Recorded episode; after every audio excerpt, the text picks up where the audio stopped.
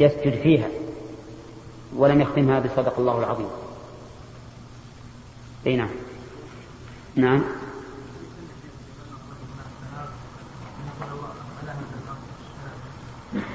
إيه؟ إذا بلغهم شريعة الله. إيه نعم. لا بأس أن نقول هذا لا سيما في الأمور الهامة العظيمة. نعم.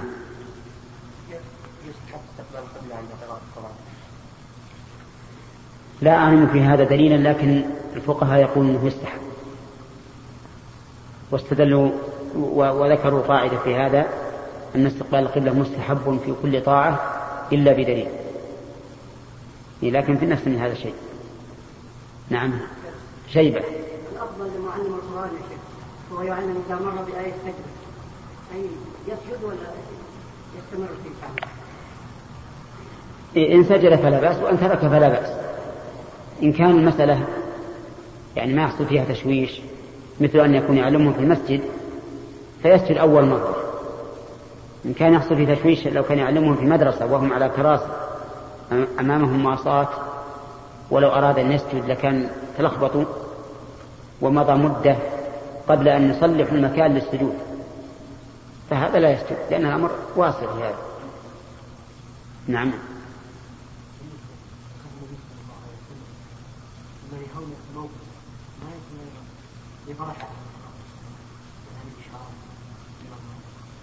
ما أظن. لا. لا بعيد. إيش البشارة بايش؟ إي نعم هو قد يأتي من الفرح لكن لكن وش اللي في الآية؟ اللهم الله. لأن الآية آية تخويف قال بعدها يومئذ يود الذين كفروا وعصوا الرسول لا تساوى بهم الأرض. نعم. حدثنا قيس بن حفص قال حدثنا عبد الواحد قال حدثنا الأعمش عن إبراهيم عن عبيدة السلماني عن عبد الله بن مسعود رضي الله عنه قال قال لي النبي صلى الله عليه وسلم اقرأ علي. قلت أقرأ عليك وعليك أنزل. قال إني أحب أن أسمعه من غيري. طيب قلت أقرأ عليك. الجملة هنا خبرية أو إنشائية؟ خبرية. إنشائية. لأن التقدير أقرأ عليك. والاستفهام إنشاء ومنه قوله تعالى أن اتخذوا آلهة من الأرض؟ هم ينشرون. كلمة هم ينشرون هذه جملة إنشائية. والتقدير أهم ينشرون. ولهذا يحسن الوقوف على قوله واتخذ أم اتخذوا آلهة من الأرض؟ ثم تقول هم ينشرون. لأنك لو وصلت لكان يفهم منها أن الجملة صفة لآلهة أو حال منها. نعم.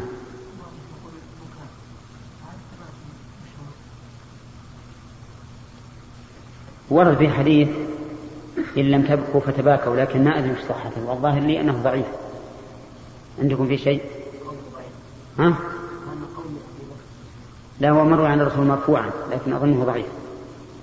عندكم؟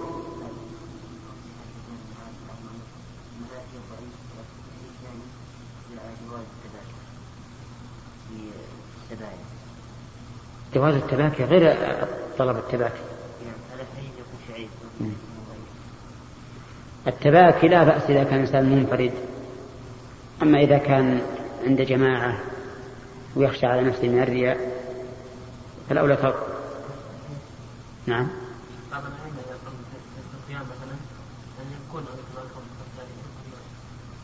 وهذا اللي نقول إذا كان الإنسان مع غيره فالذي أرى أن لا يفعل لأنه يخشى أن أن يدخله الرياء.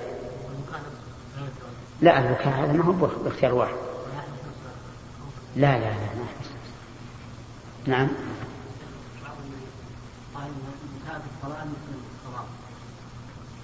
إذا بان حرفان وإذا كان من غير خشية الله أما إذا كان من خشية الله لا ما, ما يفضل الصلاة. لأن الرسول كان يسجد له عزيز بصدره عزيز كعزيز المرجل. على إيش؟ إن يكون هذا من, الكلام عنده من الكلام ما تركب من حرفين. فكل كلام فهو مطل الصلاة هذا على على زعمهم إنما البكاء من غير خشية الله والله يعني القول بأنه مطل الصلاة قوي. مثل لو أن الإنسان أخبر بمصيبة وهو يصلي فبكى. فبكى. لا سيما إذا كان يستطيع أن يمنع نفسه ولم يمنعها أما إذا كان بدون اختياره فلا فلا يضر. نعم.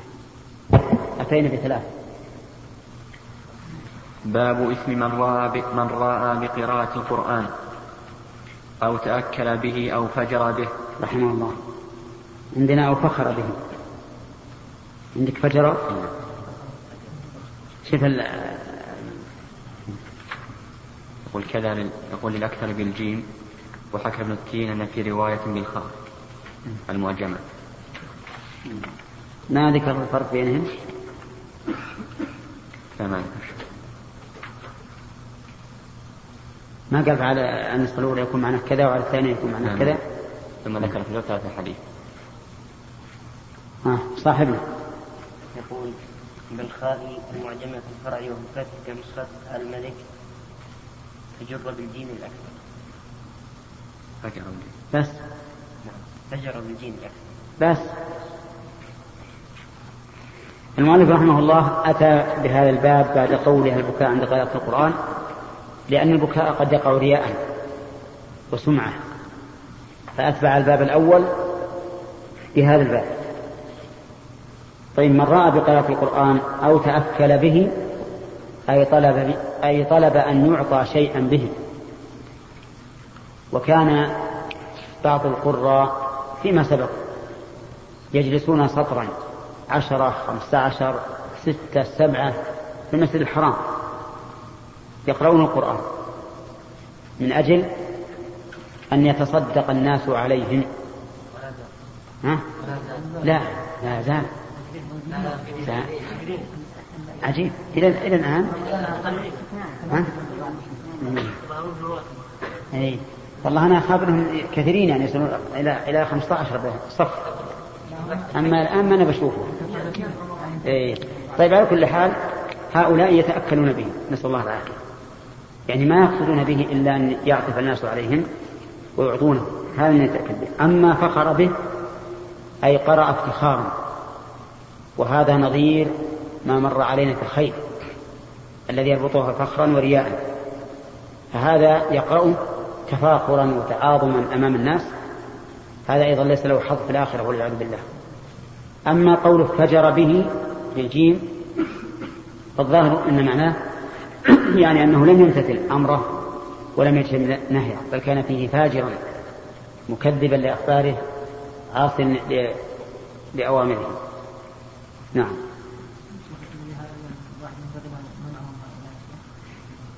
معلوم ما بشك يجب يجب الإيمان نعم. حدثنا محمد بن كثير. قال أخبرنا سفيان قال حدثنا الآمش عن خيثمة عن سويد, عن سويد بن غفلة قال قال علي رضي الله عنه سمعت النبي صلى الله عليه وسلم يقول يأتي في آخر الزمان قوم حدثاء الأسنان سفهاء الأحلام يقولون من خير قول البرية يمرقون من الإسلام كما يمرق السهم من الرمية لا يجاوز إيمانهم حناجرهم فأينما لقيتموهم فاقتلوهم فإن قتلهم أجر لمن قتلهم يوم القيامة.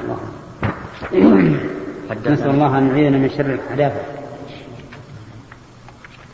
يأتي في آخر الزمان قوم حدثاء الأسنان يعني صغار ولا عقول لهم أيضا. فهم صغار في السن سفهاءه العقل. ولهذا قال سفهاء الأحلام أي العقول. ما عندهم عقول لكن مع ذلك فصحاء الأقوال. فصحاء الأقوال.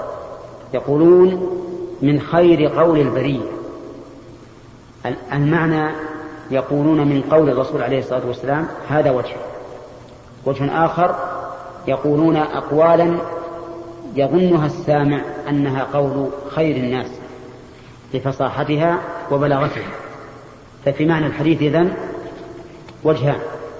أحدهما يقولون من من خير ها؟ من خير قول البرية. يعني من كلام الرسول عليه الصلاة والسلام لأن خير قول البرية ما, ما هو؟ خير قول البرية ما هو؟ قول الرسول عليه الصلاة والسلام. أو من خير قول البرية يعني أن أن قولهم إذا سمعوا الإنسان قال هؤلاء خيار الناس لأن قولهم يسحق عندهم فصاحة وطلاقة. لكن نسأل الله العافية يمرقون من الإسلام كما يمرق السهم من المري من الرمية المرق معناه المرور بسرعة. يعني السهم إذا ضرب الرمية خزقها ثم خرج بسرعة. هؤلاء كذلك بالنسبة للإسلام. يعني كأنهم يدخلون فيه ويخرجون منه بسرعة. نسأل الله العافية. لا يجاوز إيمانهم حناجرهم. أعوذ بالله. الإيمان بالأفواه فقط وليس بالقلوب.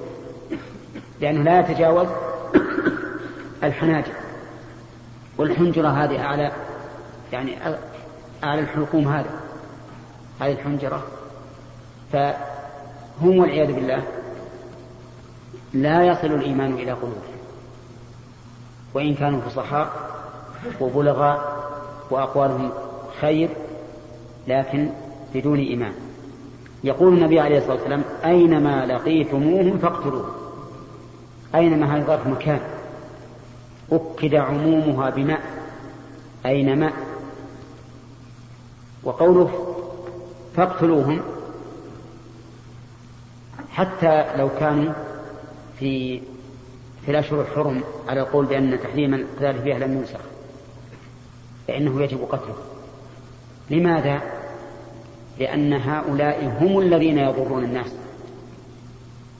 هم الذين يضرون الناس. لأن أقوالهم من خير قول البرية إذا سمعهم السامع اغتر فيه ولكنهم والعياذ بالله لا يصل الإيمان إلى قلوبهم فإذا لقيناهم أينما لقيتموهم فاقتلوهم ولكن في هذا الحديث إشكال عظيم وهو أننا نحن مأمورون بأن نأخذ بالظاهر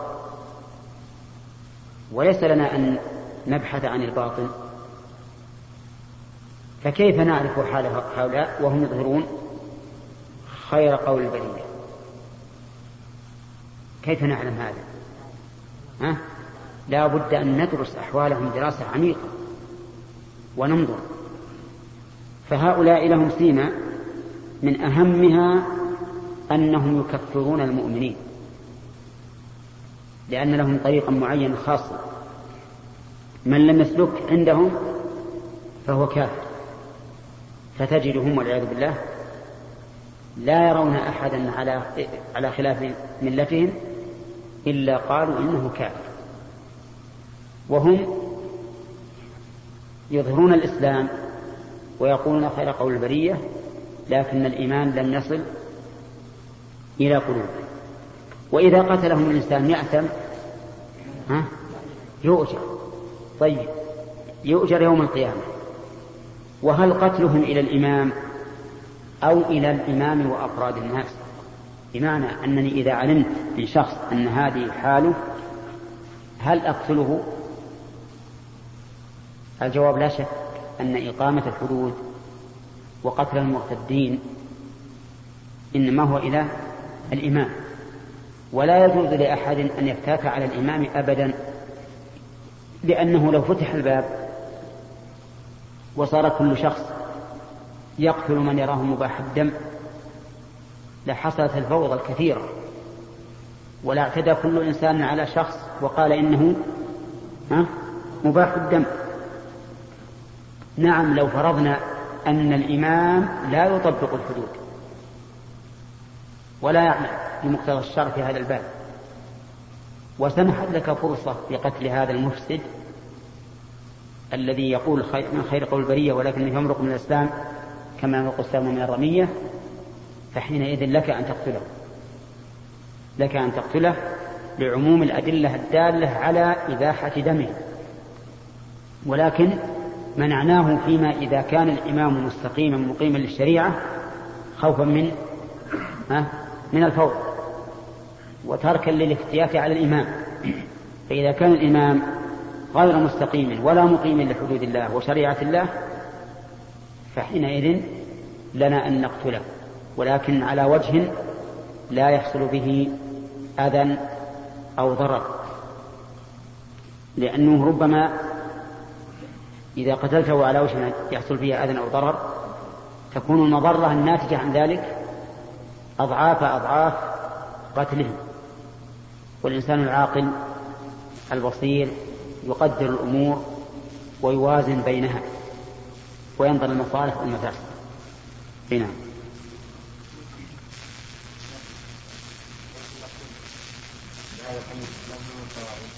نعم. الخوارج من هؤلاء. الخوارج من هؤلاء نسأل الله نعم. ها؟ هذه الفرقة أيضا فيها خلاف بين العلماء هل هم كفار أم لا؟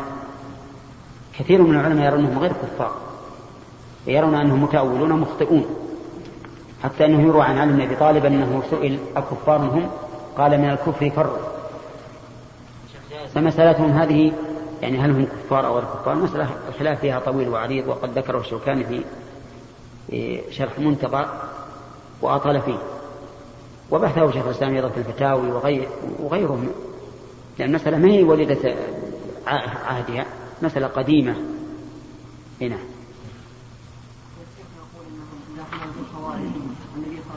انه في اخر الزمان والخوارج في عهد علي رضي الله عنه هذا أمر نسبة. حتى أن نحن في آخر الزمان ما على كل حال. يمكن يجي آلاف السنين ما قامت الساعة.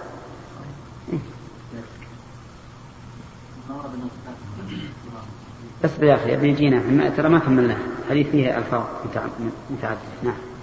حدثنا عبد الله بن يوسف قال أخبرنا مالك عن يحيى بن سعيد عن محمد بن إبراهيم بن غياث السيد عن أبي سلمة بن عبد الرحمن عن أبي سعيد شلون عن محمد؟ عن محمد بن إبراهيم بن الحارث التيمي عن أبي سلمة بن عبد الرحمن عن أبي سعيد الخدري رضي الله عنه أنه قال سمعت النبي سمعت رسول الله صلى الله عليه وسلم يقول يخرج فيكم قوم قوم تكفرون صلاتكم مع صلاتهم وصيامكم مع صيامهم وعملكم مع عملهم ويقرؤون القرآن لا يجاوز حناجرهم يمرقون من الدين كما يمرق السهم من الرمية ينظر في النصر فلا فلا يرى شيئا وينظر في الظل فلا يرى شيئا. وينظر في الريح فلا يرى شيئا ويتمارى في الكوف الله أكبر. يعني من سرعة نفوذ هذا السهم ما ما يصيبه الدم. يعني ينفذ في الجسم ويخرج قبل أن يتلطخ بالدم. وهذا دليل على سرعة سرعة نفوذه. نعم. هنا يقول فيه عليه الصلاة والسلام إننا نحقر صلاتنا مع صلاتهم. وفي هذا دليل على أن الإيمان في القلب وليس في إتقان العمل الظاهر. فإن هؤلاء الخوارج يتقنون العمل الظاهر إذا رأيته يصلي وش صلاته مع صلاته إذا رأيته يصوم في حفظ لسانه وجوارحه في صومه وفي كثرة صومه قلت وش أنا معه؟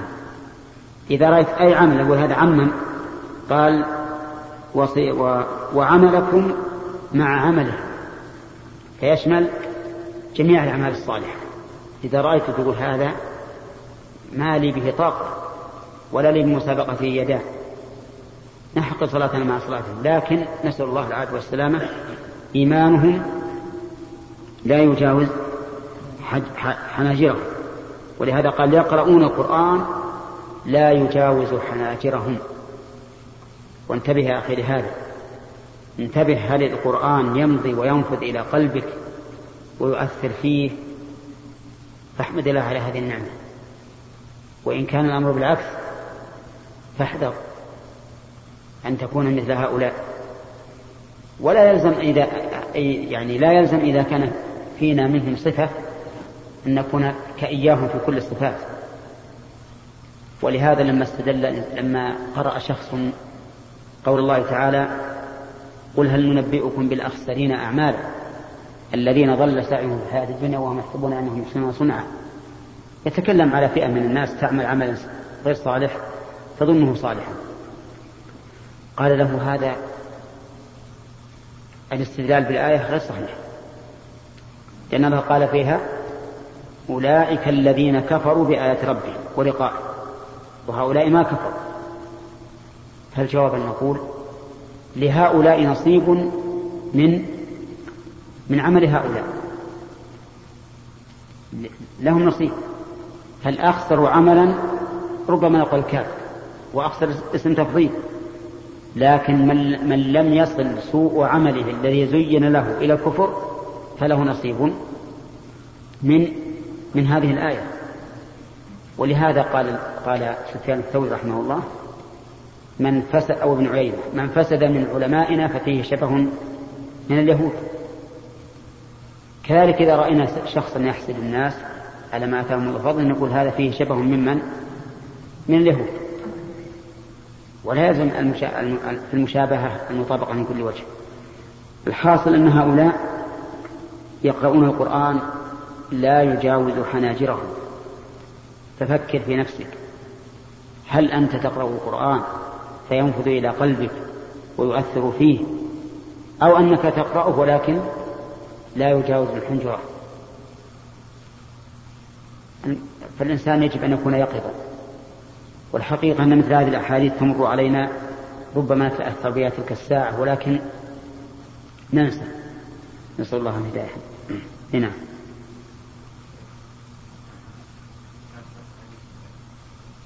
نعم. المرآة لأن هؤلاء يقرؤون القرآن لكنهم يرؤون به فلهذا لا ينتفعون به. نعم. وربما نقول أيضا إن على نسخة يكفر به أن هؤلاء يكفرون بالقرآن فمثل القرآن يحل يحرم قتال المؤمنين وهم يبيحون قتال المؤمنين. نعم. الإنسان ما ينظر إلى أي قول إلى أعماله الصالحة لأن الظاهر الآن قبل الآن الفرق بها إذا ناقشتهم يقولون انظروا إلى صلاتنا وصيامنا ولكن في منهجهم منهجهم غير منهج إيه ما ينفع هذا. هذا لو حقرنا مثلا عملا مع عملهم فهذا لا ينفعهم عند الله. اي نعم. كل الأعمال كل الأعمال. ربما هذا الرجل يصلي صلاة من أحسن الصلوات لكنه فاجر تجده يغش الناس ويكذب ويغادر وي... و... و... يعني يغدر في العهد ويعمل كل عمل المنافقين. المؤمنين ثبت عن النبي عليه الصلاة والسلام أن من كفر مؤمنا ولم يكن هذا المؤمن كافرا فإنه يعود عليه ها؟ اي كيف ها؟ هم كفار لكن لكن يجب أن نعرف الفرق بين القول والقائل لأنه ربما يكون هذا القائل متأولا. متأولا ظانا إن هذا هو الحق. خلاف اللي يقول والله ما عنده تأويل لكن بس إنه أكره هذا الرجل فكفره. هي معلومة لكفر الثاني الناس مجرد أنه يكرههم بغضهم غير متأول. نعم. نعم.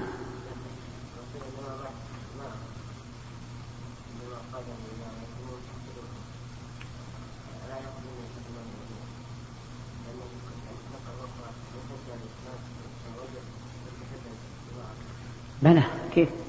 الذي يمرق من الإسلام كما يمرق السهم من الغمية ما ما يلبث في الإسلام ولا لحظة عين.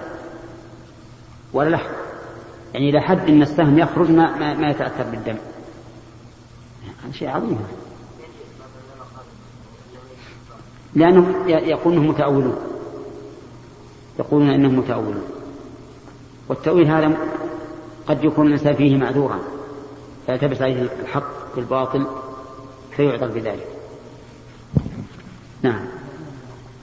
حدثنا مسدد قال حدثنا يحيى عن شعبة عن قتادة عن أنس بن مالك عن أبي موسى عن النبي صلى الله عليه وسلم قال المؤمن الذي يقرأ القرآن ويعمل به كالترجة طعمها طيب وريحها, وريحها طيب والمؤمن الذي لا يقرأ القرآن ويعمل به كالتمرة طعمها طيب ولا ريح لها.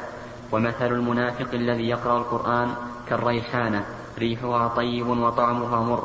ومثل المنافق الذي لا يقرأ القرآن كالحنظلة طعمها مر أو خبيث وريحها مر.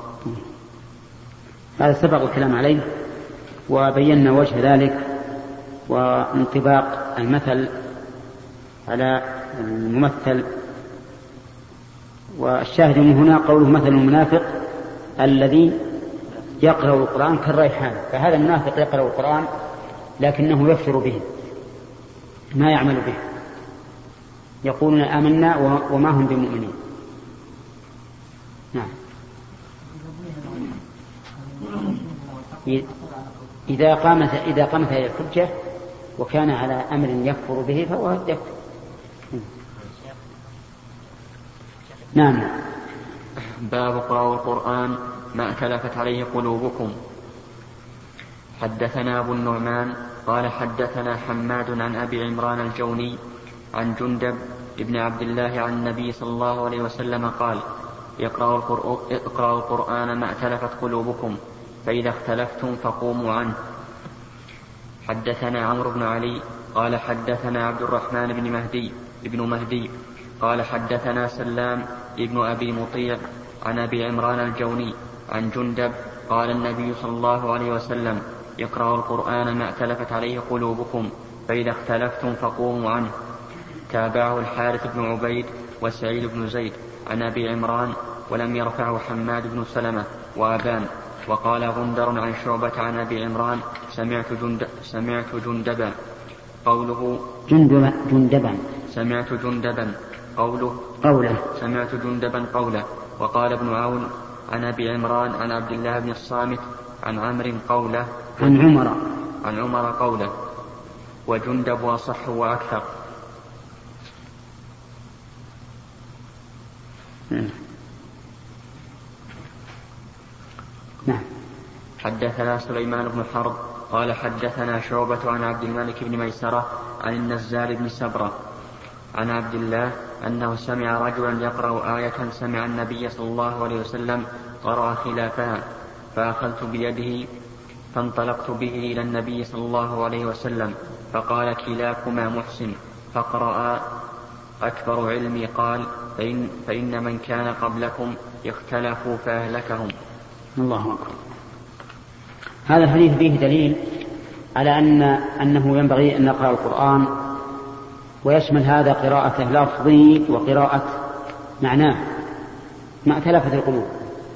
فإذا اختلفنا وتطور الأمر وصار جدالا ومراء فإن الواجب التوقف. وأن نقوم عن, عن هذا ونعرض عنه. وكذلك أيضا في المسائل العلمية. ينبغي أن نستعمل هذا. ما دام المقصود الحق وبهدوء وائتلاف القلب فليكن البحث. فإذا ترقى إلى جدال ونزاع وانتفاخ أوداج واحمرار عيون ووقوف شعر نعم فحينئذ نتوقف. لأن ما بقي إلا الضرب. حينئذ نتوقف لأن هذا يحدث عداوة وهذا يوجد الآن في بعض الإخوة. إذا اختلفوا في مسألة ربما تكون بسيطة يعني بالنسبة للمسائل الكبار يعني قليل هينة بالنسبة للمسائل الكبار تجد واحد منهم ينفعل انفعال عظيم. حتى إني حدثني بعض الناس أن رجلا قام يعظ يعظ الناس في المسجد تكلم وقال إن الذي يحلق لحيته كافر مرتد. نعم سبحان الله أعوذ بالله. بعض العلماء يقول مكروه وبعض العلماء يقول حرام. ولم يقل أحد من العلم أنه كافر. لماذا يا أخي؟ قال لأنه رغب عن سنة الرسول عليه الصلاة والسلام. وقد قال النبي صلى الله عليه وسلم من رغب عن سنتي فليس مني. نعم. وش نقول؟ إذا, لا إذا لم يكن من الرسول من يكون منه؟ من الشياطين والكفار. إذا وبعدين احتدم النزاع بينهم. وصار يقول حسب ما, حسب ما حدثت به صار ضجة عظيمة في المسجد. حتى أنه العامة وتارة من العامة لهم ناس مثل هذا أبو حالق وهذا أخوه حالق ومدري بعد. هموا بقتل يعني بضرب الرجل الواحد. هموا به قالوا عدلوا العامة ضرب لك الله جل أبواتنا كفار وأخوتنا كفار وذا. ما ندريك الآن ولا حديث. نعم. هذا حصل الاحتدام وال يعني بلغني هذا. فهذه هذه الأشياء يعني قصدي المجادلة إذا لا اولا يجب أن يكون المقصود منها طلب الحق لا الانتصار للنفس. إذا كان قصدك الانتصار للنفس فاعلم أنك مغبون. لأن الذي ينتصر لنفسه دائما ربما يؤول الأحاديث بل, بل أصح يحرفها يحرف النصوص علشان ينتصر لقوله. فيجب أن أولا أن تريد وأسأل الله يعيني وإياكم على ذلك أن تريد الحق. أينما كان؟ وإذا تبين لك أن أن قولك خطأ فاحمد الله على ذلك لأنك لو بقيت على هذا الخطأ ضللت أنت وأضللت غيرك. لكن إذا يسر الله لك من يرد الخطأ فهذا من نعمة الله.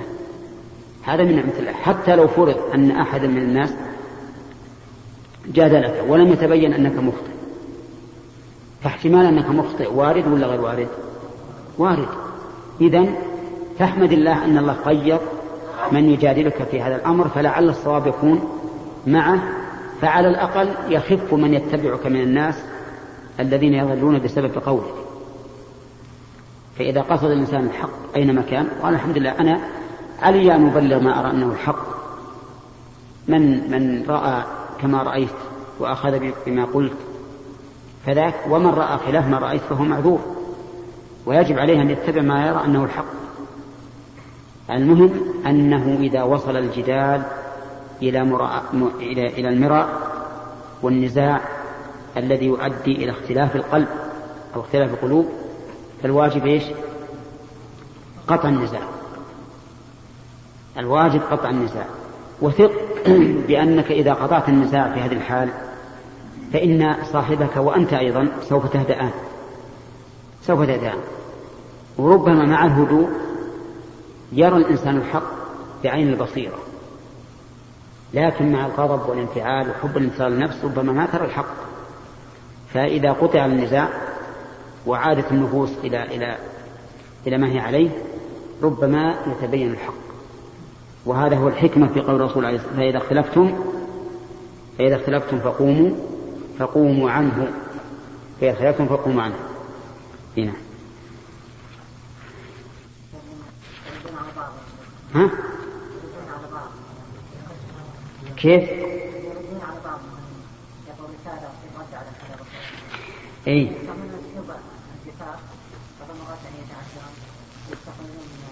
والله مو بحث مو بحث أنا أرى هذه المسائل خصوصا يعني في في العلماء المعاصرين الذي يمكن أن تتفاهم معهم قبل أن ترد أحسن.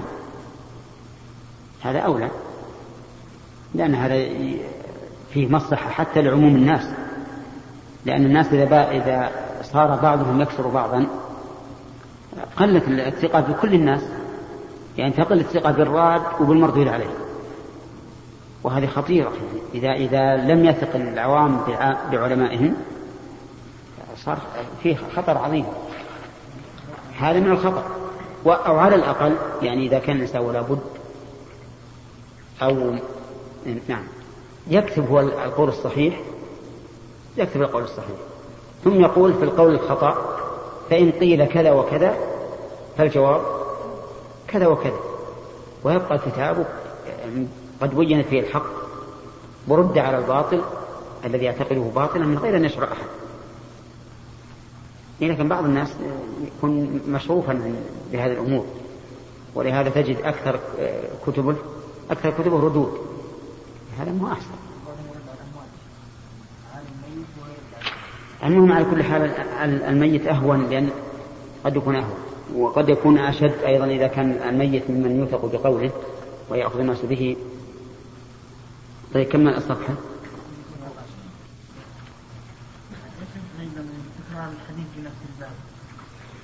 الفائدة هو أنه قد يكون فائدة في السنة أو في المتن في زيادة أو تقديم أو تأخير. وعلماء الحديث عندهم يعني اصطلاحات ونكت في تكرار الحديث خصوصا البخاري. ما ما يعرفها إلا أهل الفن. نعم. بسم الله الرحمن الرحيم. كتاب النكاح. جزا الله الشيخ ابن عثيمين خير الجزاء ونفعنا